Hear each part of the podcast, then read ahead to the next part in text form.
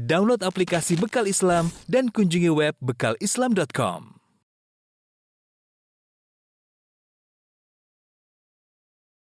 Bismillahirrahmanirrahim. Assalamualaikum warahmatullahi wabarakatuh.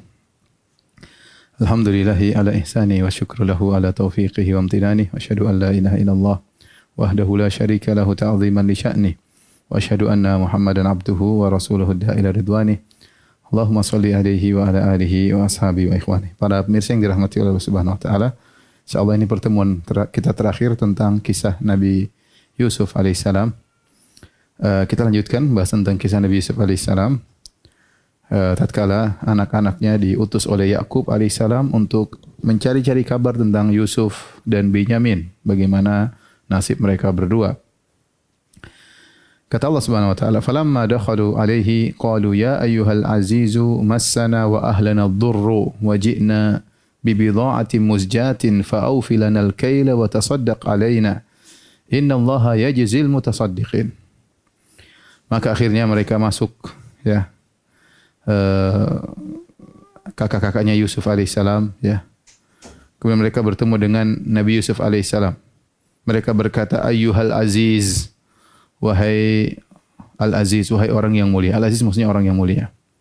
Masana wa ahlana dhurru. Maka mereka berkata, sungguh kami telah ditimpa dengan penderitaan. Ditimpa dengan kesengsaraan. Wa ahlana, demikian juga keluarga kami di Palestin, di Syam, juga ditimpa dengan penderitaan.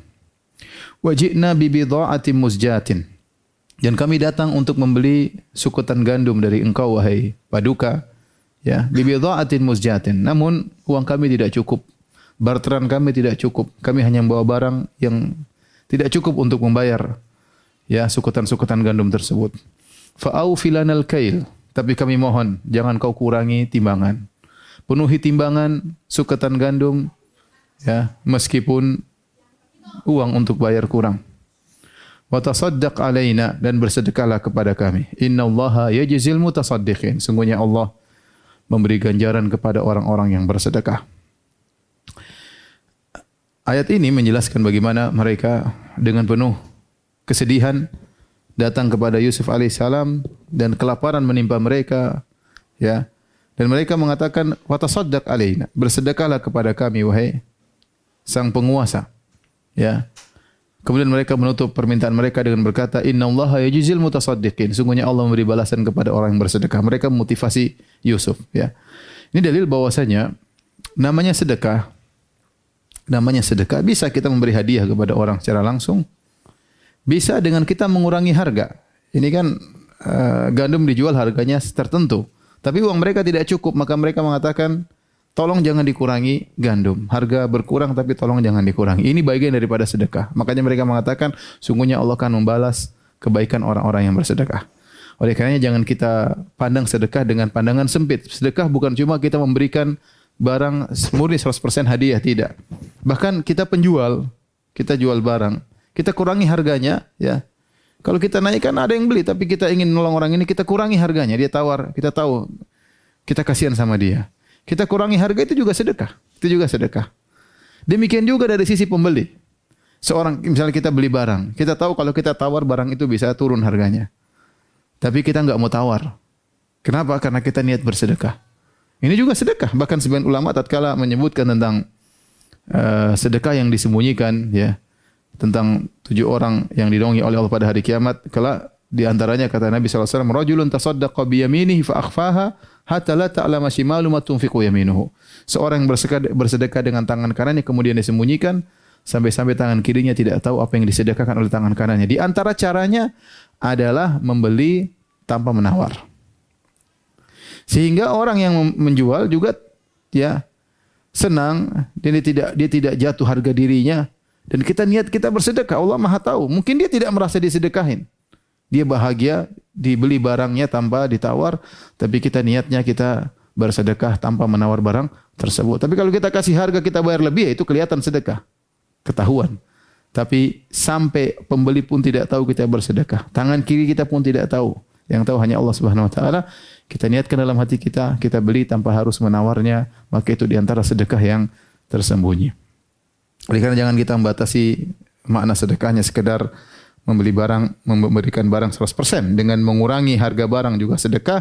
Dengan membeli tanpa menawar juga sedekah. Ya. Dan uh, ini juga isyarat dari saudara-saudara Yusuf dia mengatakan Inna Allah yajzil mutasaddiqin. Dia berkata wahai paduka jangan kurangi timbangan. Uang kami kurang tapi jangan kurangi timbangan. Sungguhnya Allah akan beri balasan kepada orang yang bersedekah. Artinya apa? Ya sudahlah, berharap hanya kepada Allah. Ya ini isyaratkan untuk ikhlas.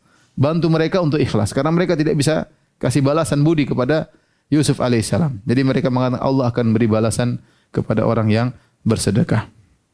Tatkala Yusuf alaihissalam mendengar tentang penderitaan mereka, dia mereka mengatakan masana ahlana wa durru wa ji'na masana durru wa ahlana ya eh, masana wa ahlana durru wa ji'na bi musjatin kata mereka wahai Yusuf eh wahai paduka Sungguhnya kami ditimpa dengan penderitaan. Keluarga kami yang kami tinggalkan di Palestina juga mengalami penderitaan. Maka Yusuf pun langsung sedih mengingat bapaknya, mengingat keluarganya, mengingat saudara-saudaranya. Karena mereka mengatakan, Masana wa ahlana dhurru. Kami dan keluarga kami yang kami tinggalkan di Palestina tentunya ada bapaknya, ada bapaknya Yusuf. ad kami ditimpa dengan penderitaan. Maka kasihanilah kami. Ya, jangan kurangi timbangan. Saya kelaparan. Jangan kurangi timbangan. Kalau dikurangi nanti mereka kurang makan kelaparan. Bayangkan gimana seorang mendengar bapaknya kelaparan, mendengar mungkin bibinya, mungkin ibunya, mungkin tantenya kelaparan, ponakan-ponakannya kelaparan. Maka Yusuf tidak kuasa tatkala mendengar penderitaan yang diungkapkan oleh kakak-kakaknya tersebut. Akhirnya Yusuf buka kartu kepada mereka. Apa kata Yusuf alaihissalam? Qala hal alimtum ma fa'altum bi Yusuf wa akhihi id antum jahilun. Tidakkah kalian ya tahu apa yang telah kalian lakukan kepada Yusuf dan saudaranya Binyamin tatkala kalian masih jahil? Subhanallah. Mereka bingung, ini orang tahu dari mana tentang kisah Yusuf? Dari mana ini orang tahu tentang kami melemparkan Yusuf dalam sumur? Yang tahu hanya Yusuf. Ya, karena Binyamin tidak hadir. Tidak ada yang hadir kecuali mereka. Mereka sepuluh orang yang masukkan Yusuf dalam sumur. Tidak ada yang tahu kecuali Yusuf, kecuali Allah Subhanahu wa tentunya. Artinya manusia yang tahu hanya Yusuf. Bapak mereka tidak tahu, Binyamin tidak tahu rahasia yang mereka sembunyikan. Orang ini tiba-tiba berkata, ya, masih ingatkah kalian apa yang kalian kerjakan terhadap Yusuf dan Binyamin? Ya. Tetapi lihat bagaimana Yusuf dengan kelembutan sayang kepada kakaknya tidak ada dendam sama sekali. Nabi Yusuf berkata, "Id antum jahilun," yang kalian lakukan tatkala kalian masih jahil. Ini adalah nau' minal uzur, yaitu Yusuf memberi uzur kepada mereka dengan kata-kata yang halus. Waktu kalian masih berbuat, masih kalian masih muda, masih kanak-kanak mungkin, ya masih belum mengerti agama, kemudian kalian berbuat buruk kepada Yusuf. Ingatkah kalian hal tersebut? Akhirnya mereka, wah, tidak ada kecurigaan kecuali kepada orang ini. Dari mana dia tahu kisah ini? Qalu a innaka la anta Yusuf? Mereka berkata, apakah engkau Yusuf? Mereka perhatikan lagi, iya mirip-mirip. Apakah engkau Yusuf? Subhanallah. Qala ana Yusuf wa hadha akhi. Akhirnya Yusuf buka kartu. Kata Yusuf, akulah Yusuf. Subhanallah. Yusuf yang kalian lemparkan dulu masih kecil dalam sumur. Aku inilah orangnya. Wa hadha akhi dan ini Binyamin yang kalian ganggu selama ini. Kalian pisahkan aku dengan dia. Kalian zalimi dia, kalian zalimi aku, pisahkan aku dengan ayahku. Tapi Yusuf tidak ngomong panjang lebar. Ana Yusuf wa hadha akhi. Ini aku Yusuf dan ini saudaraku. Qad mannallahu alaina, sungguh Allah telah beri karunia kepada kami. Kemudian Yusuf berkata, "Innahu may wa yasbir." Sungguhnya barang siapa bertakwa dan bersabar, fa innallaha la yudhi ajral muhsinin. Sungguhnya Allah tidak akan menyia-nyiakan ganjaran bagi orang yang berbuat ihsan, berbuat kebaikan. Yusuf menyebutkan kepada kakak-kakaknya, barang siapa bertakwa dan bersabar. Artinya Yusuf berkata, aku bertakwa dan aku bersabar. Nah, bolehkah seorang mengatakan aku telah bertakwa, aku boleh bersabar? Aku telah bersabar. Asalnya seorang tidak mengucapkan demikian. Ya, khawatir terkena ujub. Tapi kata para ulama, boleh. Sebenarnya mengatakan boleh. Seorang memberi pelajaran kepada orang lain dalam rangka tahadus bin ni'mah, menyebutkan nikmat yang Allah berikan kepadanya agar orang mengambil pelajaran bukan dalam rangka ujub, tapi dalam rangka bersyukur kepada Allah. Ya. Misalnya kita bilang, makanya barang siapa yang baca Quran insya Allah diberikan kemudahan. Misalnya barang siapa yang uh, sedekah insya Allah ya. Tapi maksud saya, Jangan menceritakan dalam kondisi sombong atau ujub. Yusuf berkata, "Innahu may yattaqi wa yasbir." Sungguhnya barang saya bertakwa dan bersabar. Ini syarat harus dipenuhi kalau ingin diberi ganjaran oleh Allah di dunia sebelum di akhirat. Bertakwa dan bersabar. Kenapa para pemirsa yang dirahmati oleh Allah Subhanahu wa taala ada orang yang bersabar tidak bertakwa, ada yang bersabar tapi tidak bertakwa. Ya, dia bersabar aja tapi dia tidak ibadahnya kurang, tawakalnya kurang, ya sabar tapi mungkin masih maksiat, ya. Ada yang bertakwa tapi kurang bersabar. Ya rajin ibadah tapi ngomel, tapi hatinya gelisah, mengeluh. Ini namanya tidak ya apa namanya? Dia, dia, dia, dia, dia bertakwa tapi tidak bersabar. Kalau ingin diberi solusi oleh Allah Subhanahu wa taala, maka gabungkan keduanya. Innahu may yattaqi wa yasbir. Kapan terpenuhi pada seorang takwa dan sabar, maka Allah akan berikan solusi kepadanya. Innahu may yattaqi wa yasbir fa inna Allah la yudhi ajral muhsin. Sungguhnya Allah tidak akan menyia-nyiakan orang yang berbuat baik. Dan subhanallah, Nabi Yusuf alaihissalam telah mencapai derajat kesabaran yang tinggi. Jenis kesabaran as-sabru al-ittirari sama as-sabru al-ikhtiyari, sabar terpaksa, sabar pilihan semua telah dijalani oleh Nabi Yusuf alaihissalam. Sebagaimana sering kita sampaikan, sabar ada dua. Ada sabar pilihan, ada sabar terpaksa. Sabar terpaksa seperti Nabi Yusuf dilemparkan dalam sumur, beliau bersabar. Tatkala dijual jadi budak, beliau bersabar. Terpaksa nggak ada pilihan, sabar. Dijadi jadikan pekerja di rumah, majikan, sabar bekerja, ya. Di penjara, sabar di penjara. Ini namanya sabar terpaksa, nggak ada pilihan. Nabi Yusuf juga sabar ikhtirari. Sabar ikhtiari, sabar pilihan. Seperti tatkala diuji oleh, digoda oleh wanita yang konon namanya Zulekha. Di, di, digoda, maka Yusuf alaihissalam sabar. Dia kalau mau melakukan maksiat bisa. Tetapi dia memilih untuk bersabar. Oleh karenanya, segala jenis kesabaran dijalankan Nabi Yusuf. Sabar dalam bertakwa, salam dalam menjalankan ketaatan, sabar. Nabi Yusuf alaihissalam menjalankannya. Makanya dia mengatakan, "Innahu may yasbir." Siapa yang bertakwa yang dan bersabar, ya, maka Allah akan berikan ganjaran kepada orang yang bertakwa dan bersabar. Akhirnya kakak-kakaknya berkata, "Qalu tallahi laqad atharakallahu alaina wa in kunna la khatiin." Wahai Yusuf demi Allah, Allah telah melebihkan engkau daripada kami dan sungguh kami bersalah. Mereka ngaku salah di depan Yusuf. Yusuf langsung maafkan. Qala la tathriba alaikumul yawm yaghfirullahu lakum wa huwa arhamur rahimin. Nabi Yusuf berkata, tidak ada cercaan bagi kalian wahai saudara-saudaraku. Yaghfirullahu lakum Allah akan niscaya mengampuni kalian wa huwa arhamur rahimin dan dia adalah maha penyayang. Subhanallah. Lihat Yusuf berkata, la tathrib, tidak ada cercaan. Dan Yusuf alaihissalam komitmen dengan perkataannya. Dia memaafkan dan dia tidak mencela. Ya, itu disebut safhul jamil. Fasfahis safhal jamil. Maafkanlah dengan as-safhul jamil yaitu maafkan tanpa mencela. Nasihati boleh, mencela tidak. Ya. Kata dia, la tathriba alaikum Aku tidak akan mencela kalian, tidak ada cercaan. Niscaya Allah akan mengampuni kalian dan dia maha uh, pengasih lagi maha penyayang. Para pemirsa yang dirahmati Allah Subhanahu wa taala, ayat ini menunjukkan kepada kita yang penting adalah endingnya bagaimana. Ya.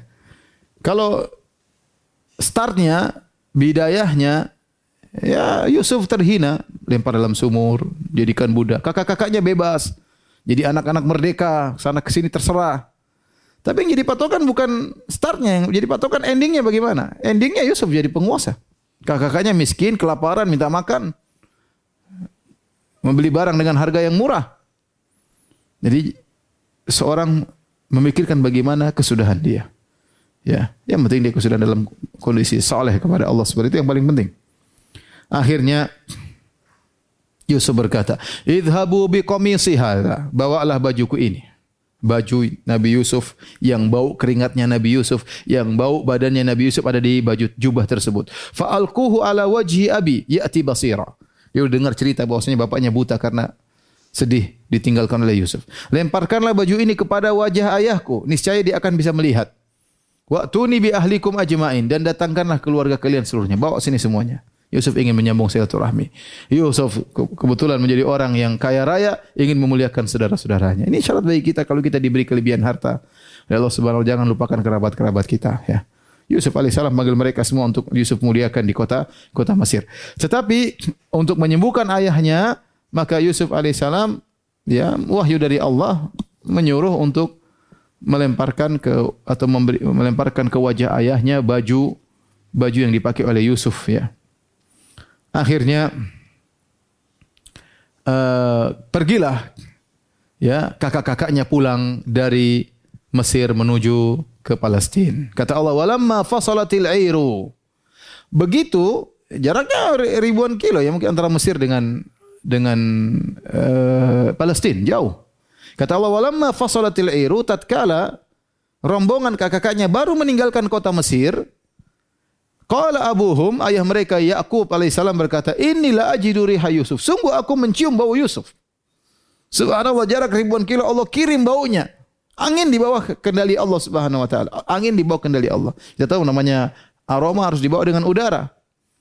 Allah kirim udara tersebut, angin tersebut dari Mesir, belum keluar dari Mesir, baru baru meninggalkan kerajaan. Tahu-tahu baunya sudah langsung sampai ke hidungnya Nabi Yakub alaihissalam. Sehingga Nabi Yakub berkata, "Inilah ajidu riha Yusuf." Sungguh aku mencium baunya Yusuf. Laula antufannidun, tapi kalian pasti sekiranya kalian menuduhku lemah akal, tentu kalian akan membenarkan aku. Ini bilang aneh. Dan benar. Ada orang-orang yang tinggal di situ, kerabat-kerabatnya Yusuf berkata, "Qalu tallahi innaka lafi dhalalikal qadim." Demi Allah engkau masih dalam kekeliruanmu yang dulu. Kau masih aja keliru mereka mencela lagi Nabi Yakub, bukan kakaknya Yusuf. Kakaknya Yusuf masih dalam perjalanan, tapi ada kerabat di situ yang ke kebetulan hadir di hadapan Nabi Yakub. Mereka mencela, wah Yakub jangan aneh-aneh saja. Masih aja kau keliru. Gimana mencium bau Yusuf? Mana bau Yusuf? Ya, nggak masuk akal. Ya tapi Nabi Yakub nggak bantah. Dibantah bagaimana dia benar-benar mencium baunya Yusuf. Akhirnya Allah berfirman, "Falamma anja al-basyiru alqahu ala wajhi fartadda basira." Datanglah pemberi kabar gembira mendahului rombongan, segera datang menuju ke Nabi Yakub, kemudian dia lemparkan bajunya Yusuf alaihissalam di wajah ayahnya Yakub alaihissalam. Fartadda basira tiba-tiba Yakub alaihissalam bisa melihat kembali. Subhanallah, Allah ingin memuliakan Yusuf. Allah mampu, ya sangat mudah menjadikan Yakub bisa melihat kembali sangat mudah kun fayakun. Idza arada syai'an yakulahu kun fayakun. Jika Allah berkehendak kalau tinggal bilang kun fayakun. Tapi Allah ingin memuliakan Yusuf. Allah ingin kemudian dilihat oleh kakak-kakaknya. Yusuf ini mulia. Buktinya bajunya bisa menyembuhkan bapaknya. Ya. Biar kakak-kakaknya tahu. Sama seperti tatkala Allah memuliakan Nabi Musa, laut terbelah dengan pukulan tongkat Nabi Musa, tertutup kembali dengan pukulan tongkat Nabi Musa. Allah tinggal bilang enggak usah pakai tongkat, enggak ada masalah. Tapi Allah ingin muliakan Nabi Musa agar mukjizat tersebut terlihat yang dengan sebab Nabi Musa alaihissalam dilihat oleh kaumnya. Jadi Allah ingin muliakan Nabi Yusuf alaihissalam dilihat kakak-kakaknya bahwasanya bajunya ya bisa menyembuhkan bapaknya yang dalam kondisi buta.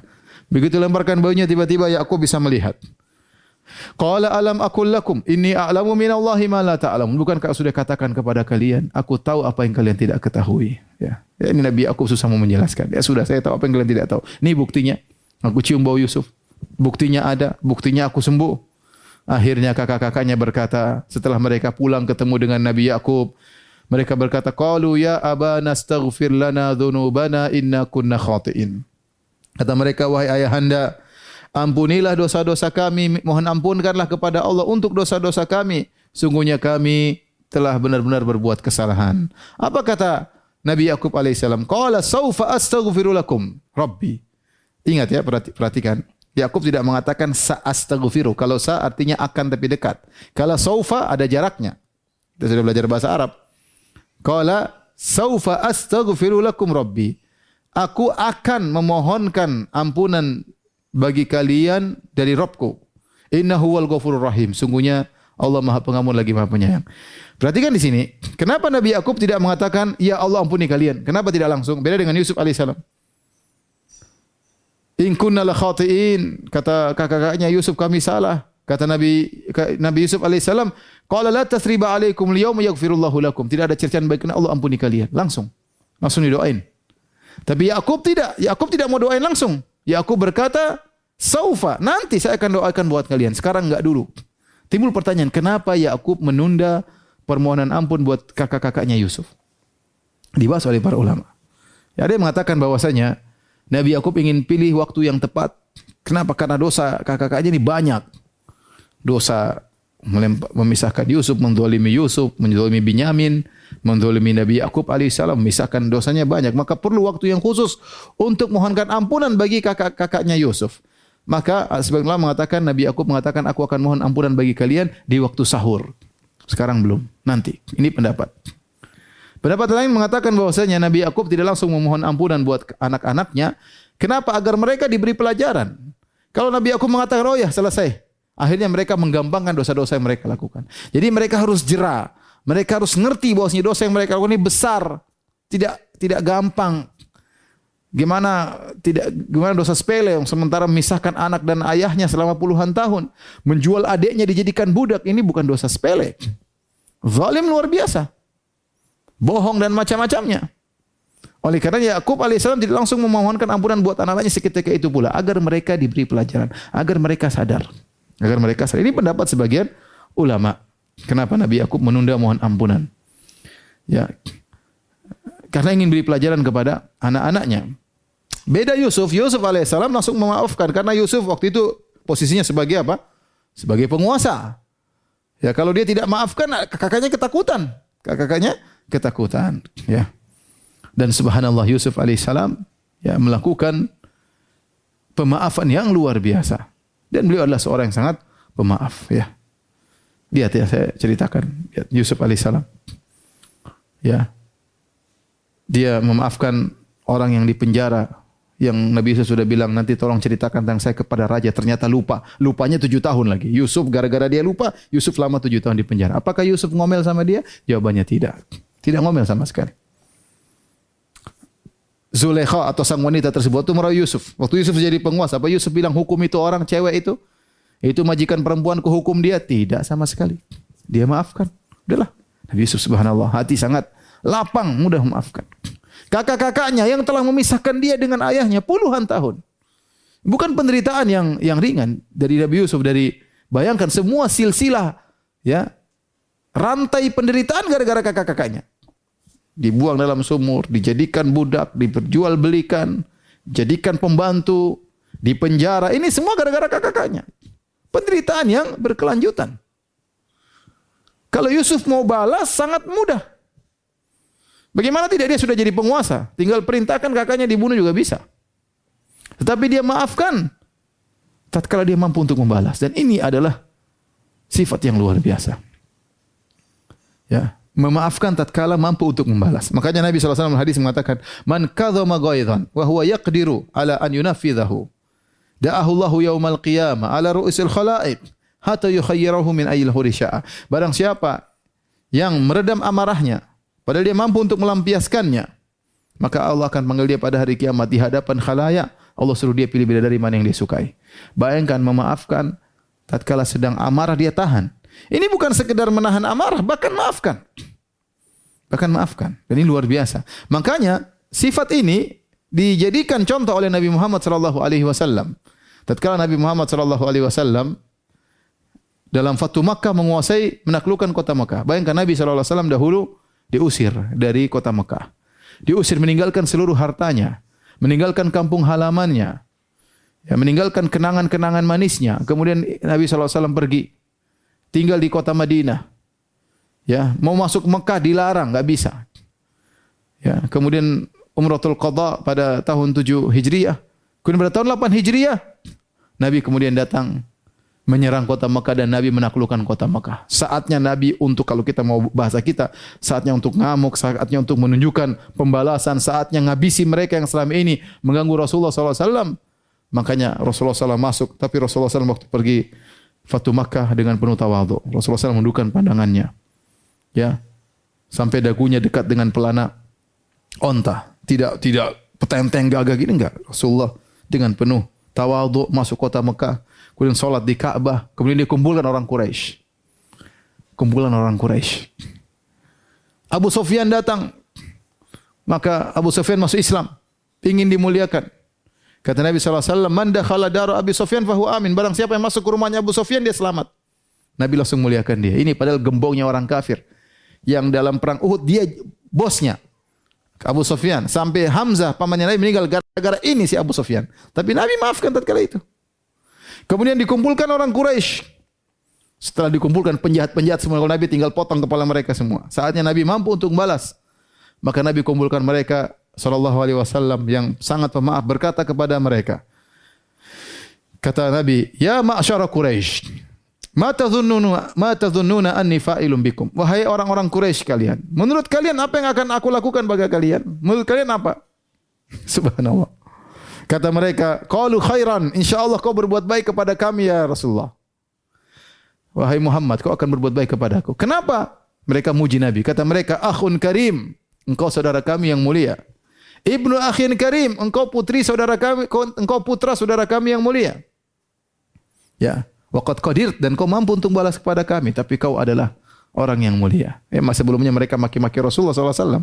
Begitu dikepung, ditangkapin semua, langsung bilang, Ya Rasulullah, ya Muhammad, engkau adalah ah, saudara kami yang mulia, saudara kami. Tadinya nggak ngaku saudara.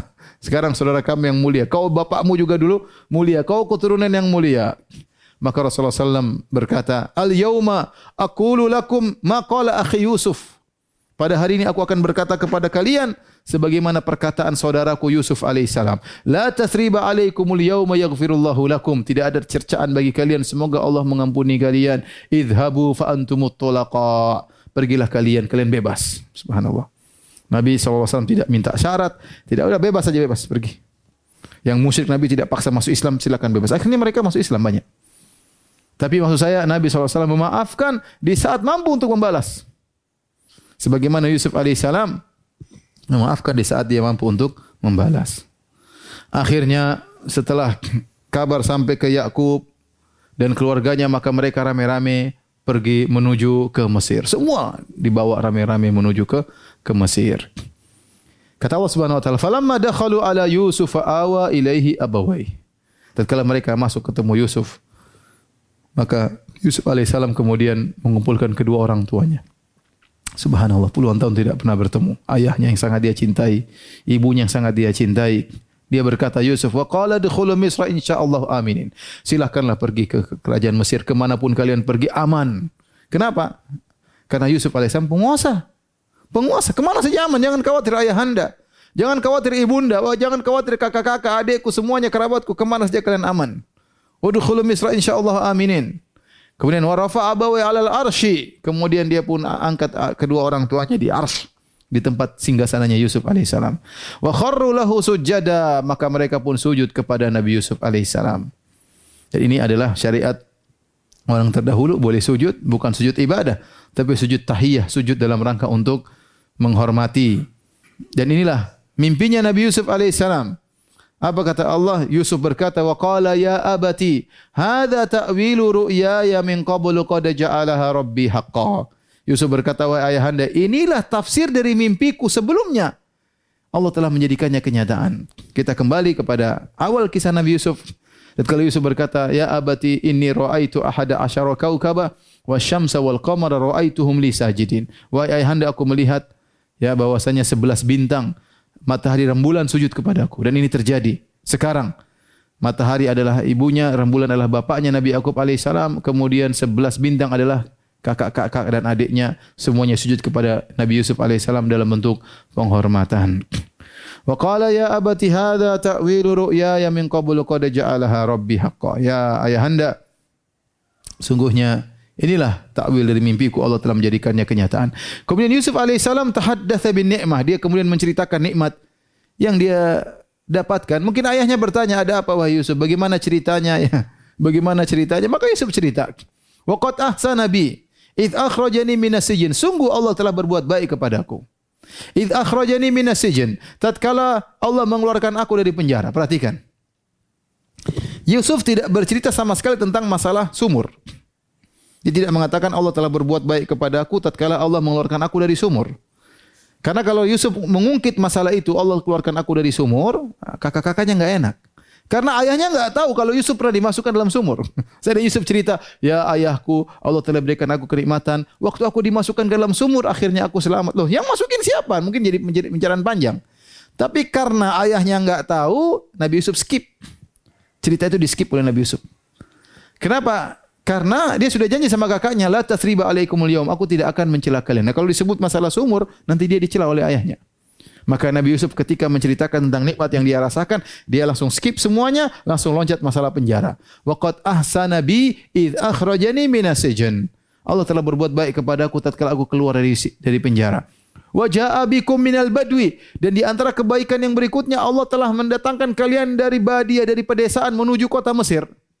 Kata sebagian ulama seperti Al-Qasimi dalam tafsirnya bahwasanya berpindah dari pedesaan menuju kota itu kenikmatan.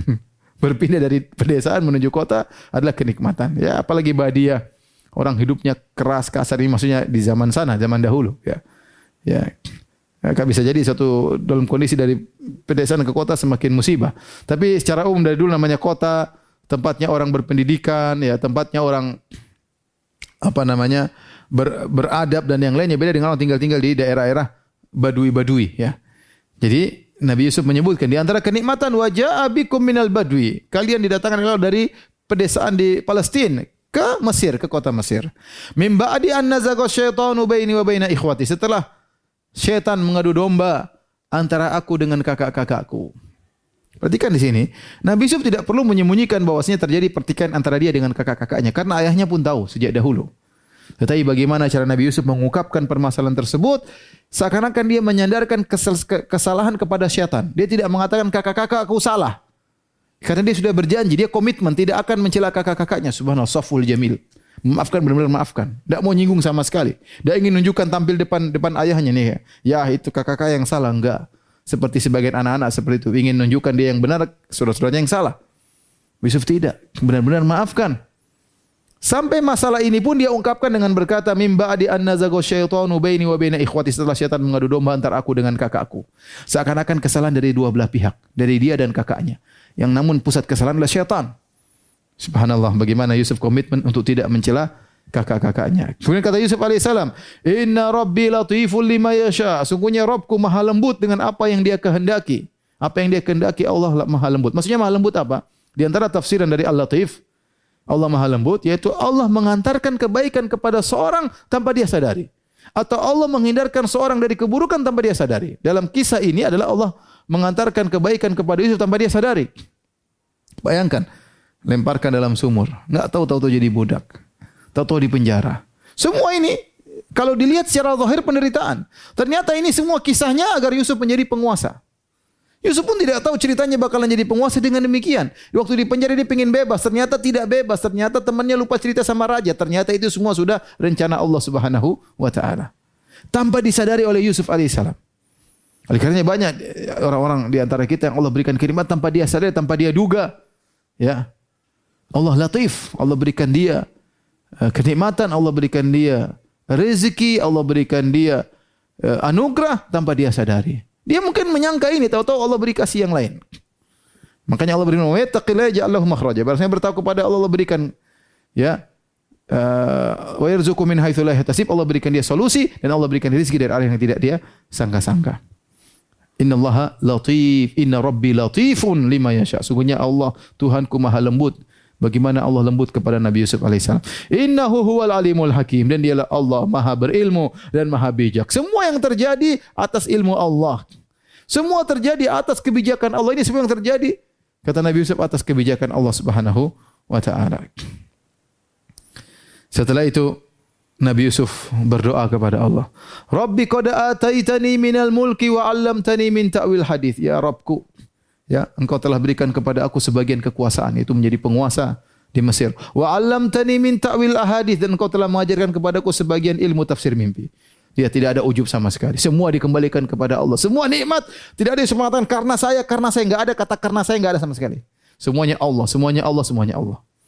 Kemudian dia puji lagi Allah. Fatiras samawati wal pencipta langit dan bumi. Anta waliyyi fid dunya. Engkau adalah penolongku di dunia wa fil akhirah dan di akhirat. Anta waliyyi fid dunya wal akhirah. Apa doanya Nabi Yusuf? Tawaffani muslima. Wafatkan aku dalam kondisi Islam. Walhiqni bis salihin dan ikutkan aku dengan orang-orang saleh.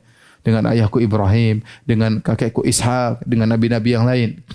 Tapi perhatikan di sini Nabi Yusuf alaihissalam berdoa agar meninggal dalam kondisi husnul khatimah. Tawaffani muslima. Yang penting adalah meninggal dalam kondisi Islam. Oleh karena para ikhwan jangan kita pede dengan apa yang kita miliki. Kita enggak tahu bagaimana kesudahan kita. Kita enggak tahu.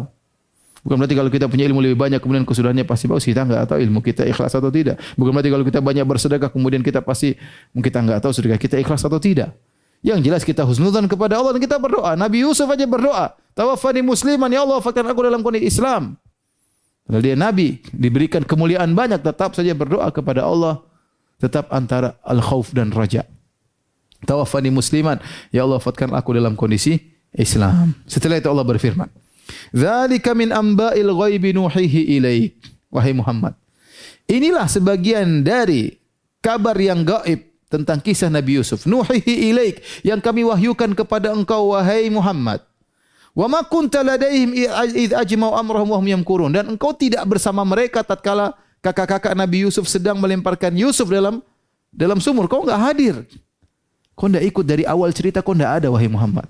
Jadi sekarang Allah berkata, wahai Muhammad, kau dari awal cerita, engkau dari awal cerita tentang waktu mereka kumpul, rapat, ingin masukkan Yusuf dalam sumur. Kau tidak ada wahai Rasulullah. Wahai Muhammad, kau tidak ada.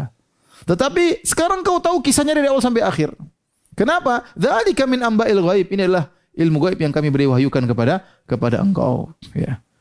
Jadi Nabi Muhammad SAW bisa bercerita dengan panjang lebar ini karena wahyu dari Allah. Padahal Nabi tidak bisa baca, tidak bisa tulis, tidak pernah baca Taurat, tidak pernah baca Injil sebelumnya. Inilah akhir daripada kisah Nabi Yusuf alaihissalam dan kisah Nabi Yusuf kita juga bisa baca di Bible ya. Uh, mirip dengan dalam Al-Qur'an hanya ada ada beberapa perbedaan di antaranya ya di versi Bible, Bible sama sekali tidak disebutkan bagaimana Yusuf berdakwah. Tidak ada.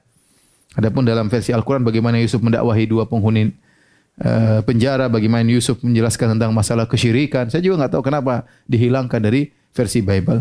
Sama seperti kita kisah Nabi Ibrahim. Nabi Ibrahim alaihissalam dalam Al-Quran banyak sekali dia berdakwah tentang kesyirikan, kesyirikan, kesyirikan, menyembah berhala. Tapi di Bible sama sekali nggak ada, nggak ada dakwah tentang menyuruh orang kepada tauhid tauhid dan melarang kesyirikan. Ya karena mungkin mereka sendiri terjerumus dalam kesyirikan sehingga bagian itu dihilangkan. Wallah alam bisawab. Kemudian juga uh, tidak disebut disebutkan dalam Bible Yusuf yang datang kepada dua penjara. Dua penghuni penjara kemudian bertanya-tanya. Beda dengan dalam Al-Qur'an mereka yang datang kepada Nabi Yusuf karena melihat akhlak Nabi Yusuf yang yang mulia.